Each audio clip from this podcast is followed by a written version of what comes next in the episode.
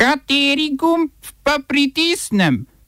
Tisti, na katerem piše OF.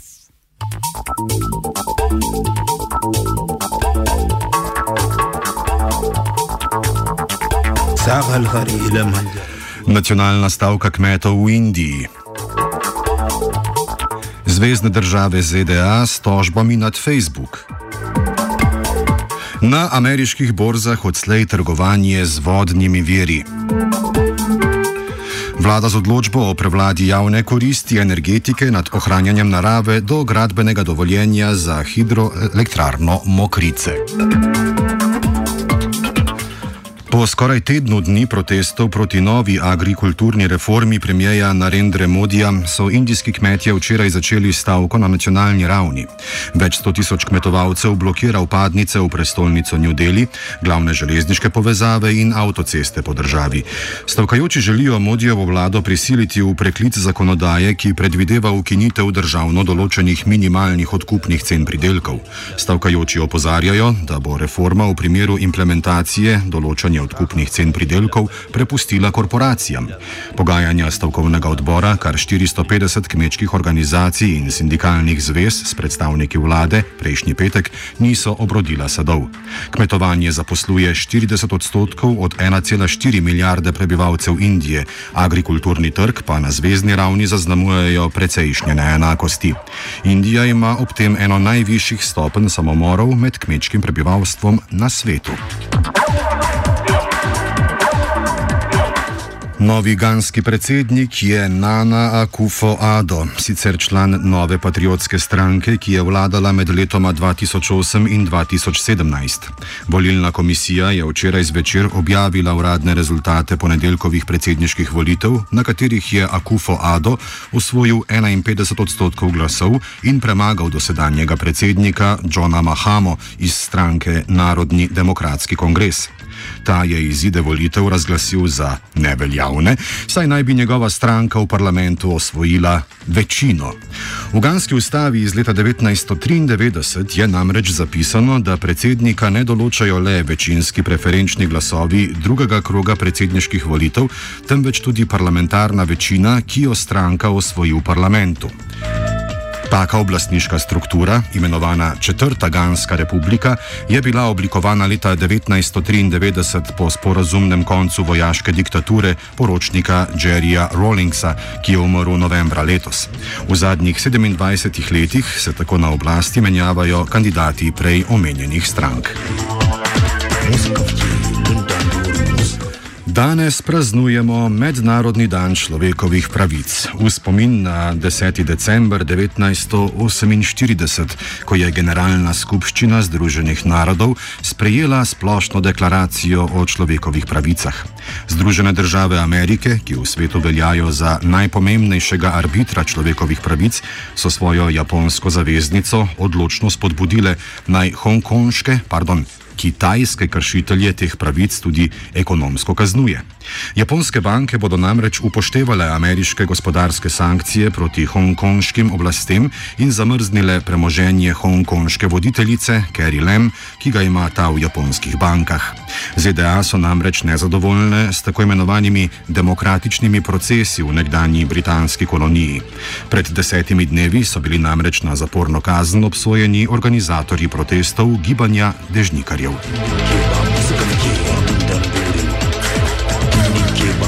Selimo se čez Pacifik k varuhinji človekovih pravic. Od včeraj je na ameriški borzi Wall Street možno trgovanje z do nedavnega temeljno pravico vsakega zemljana.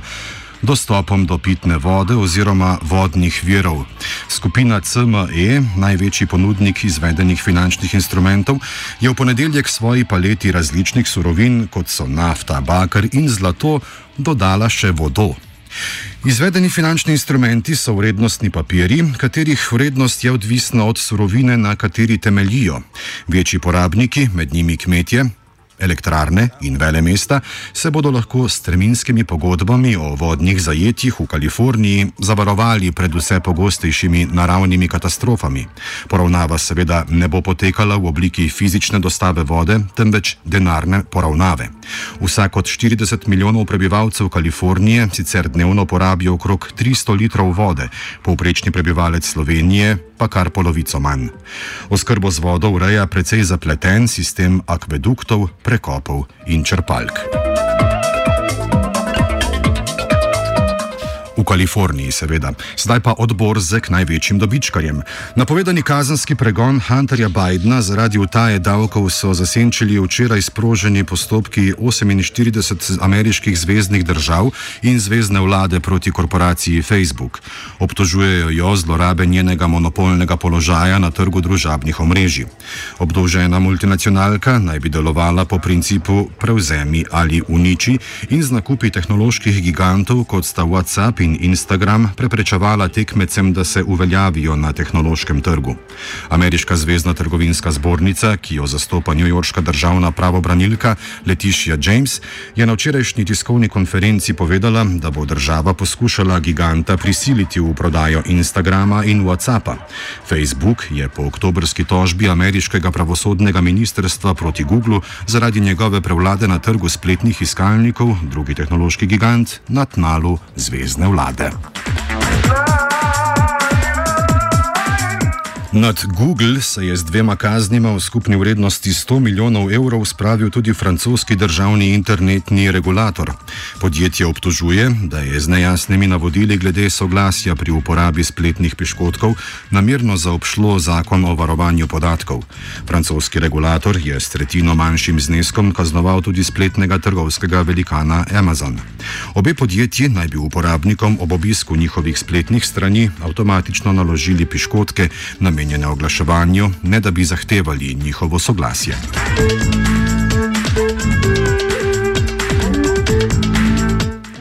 Oglašujemo pa tudi mi. V večernih urah se nam na spletu obeta posebna poslastica. Azerbajdžanski predsednik Ilham Alijev bo v spremstvu svojega turškega zaveznika, reče pa Tajpa Erdogana, prisostoval slavnostni vojaški paradi, s katero bo Azerbajdžan obeležil zmago v vojni v Gorskem Karabahu, kot je Alijev sam označil vojaški spopad z Armenijo v regiji Nagorno Karabah.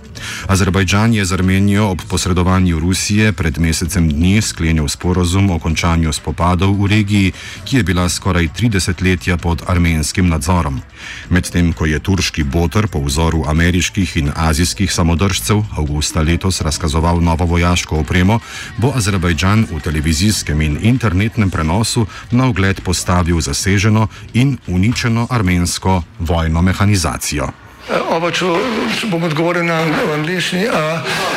Slovenija bo poskušala pomagati. Slovenija bo naredila naš utmost, da bo rekla, da je situacija naš problem, naše. In mi bomo naredili nadaljnje korake, as soon as the conditions are. Bomo vlado Marjana Cererera Šarca podprli. Very, very serious. News from Slovenija. We know how and we will. Thank you. Vojno-obveščevalna mehanizacija naj bi bila predmet pogovorov med slovenskim premijejem Janezom Janšo in njegovim izraelskim prijateljem Benjaminom Netanjahujem na dvodnevnem obisku v Izraelu, ki ga je slovenski premijer zaključil včeraj zvečer. Danes se je že pojavil na zasedanju Evropskega sveta v Bruslju, kjer uradno zastopa hrvaškega premijeja Andreja Plenkoviča. Ta je zaradi okužbe s koronavirusom v samoizolaciji. Janša Plenkoviča nadomešča, ker hrvaški predsednik Zoran Milanovič, s katerim sta bila v preteklosti večkrat sprta, Plenkovičeve ponudbe pa ni hotel sprejeti.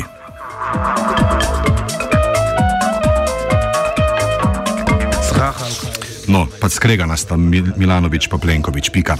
Trgovinska zbornica Slovenije, Združenje delodajalcev Slovenije ter Združenje delodajalcev, obrti in podjetnikov so pozdravili namero vlade o zamrznitvi minimalne plače.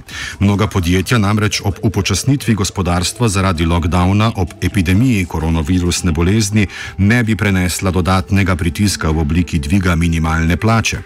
Vlado pozivajo naj ta tudi v 2021 ostane pri 940 evrih. Ekonomsko-socialni svet bo poziv naslovil jutri. Vladi so predlagali tudi, da v okviru sedmega protikoronskega zakona, ki ga pripravlja, sprejme ukrep, na podlagi katerega bi vsi prejemniki minimalne plače v gospodarstvu v letu 2021 prejeli mesečni krizni dodatek, oproščen plačila vseh davkov in prispevkov.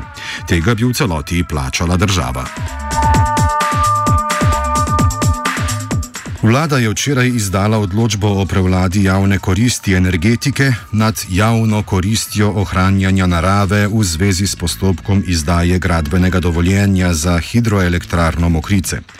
Vlada je ugotovila, da bo HE Mokrice zagotavljala poplavno varnost in izboljšala stanje podtalnice.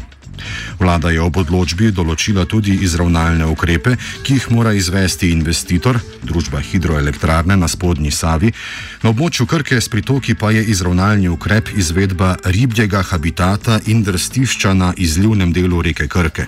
Izgradnja HE Mokrice naj bi zvezdogledi in platni platnici, dvem pomembnim evropskim A, ribjim vrstam, pomagala pri prilagajanju na podnebne spremembe. Odločitev vlade komentira Marjana Hönigsfeld-Adamič, predstavnica Inštituta za varovanje naravne dediščine Lutra in članica aktivistične skupine za Savo. Pregrajevanje rek pomeni usoden poseg v rečni ekosistem. Rečni ekosistem nikoli več ne bo takšen, kot je bil, če reko pregradimo. In noben izravnalni in omilitveni ukrep, s katerimi zdaj seveda maha ta vlada, eh, ne bo nadomestil naravne reke. To je naše stališče, vse čas, zato se borimo proti hidroelektrarnam, posebej na Savi, ki je naša največja in najpomembnejša reka moramo vedeti, da odvodnjava skoraj tri četrtine Slovenije, se reče s svojimi pritoki, njeno prispevno območje je toliko in je jasno zelo pomembna za Slovenijo. Mora bi ravnati tako, da bi jo v čim večji meri ohranjali naravno in od nje imeli zato veliko več koristi, kot jo bomo imeli od tega enega procenta električne energije, ki jo bodo dajale mokrice. Ribe pa nič. Inštitut Lutra je sicer stranka v postopku. Hönigsfeld Adamič pričakuje, da se bodo na odločbo vlade pritožili, če ne bodo uspešni v domačem pravnem sistemu, kar na Evropsko sodišče. Okoljski minister Andrej Vizjak je nad odločitvijo vlade zagotovo navdušen, a do zaključka redakcije odziva ministrstva valjda nismo uspeli dobiti. Ov pripravil dolgi.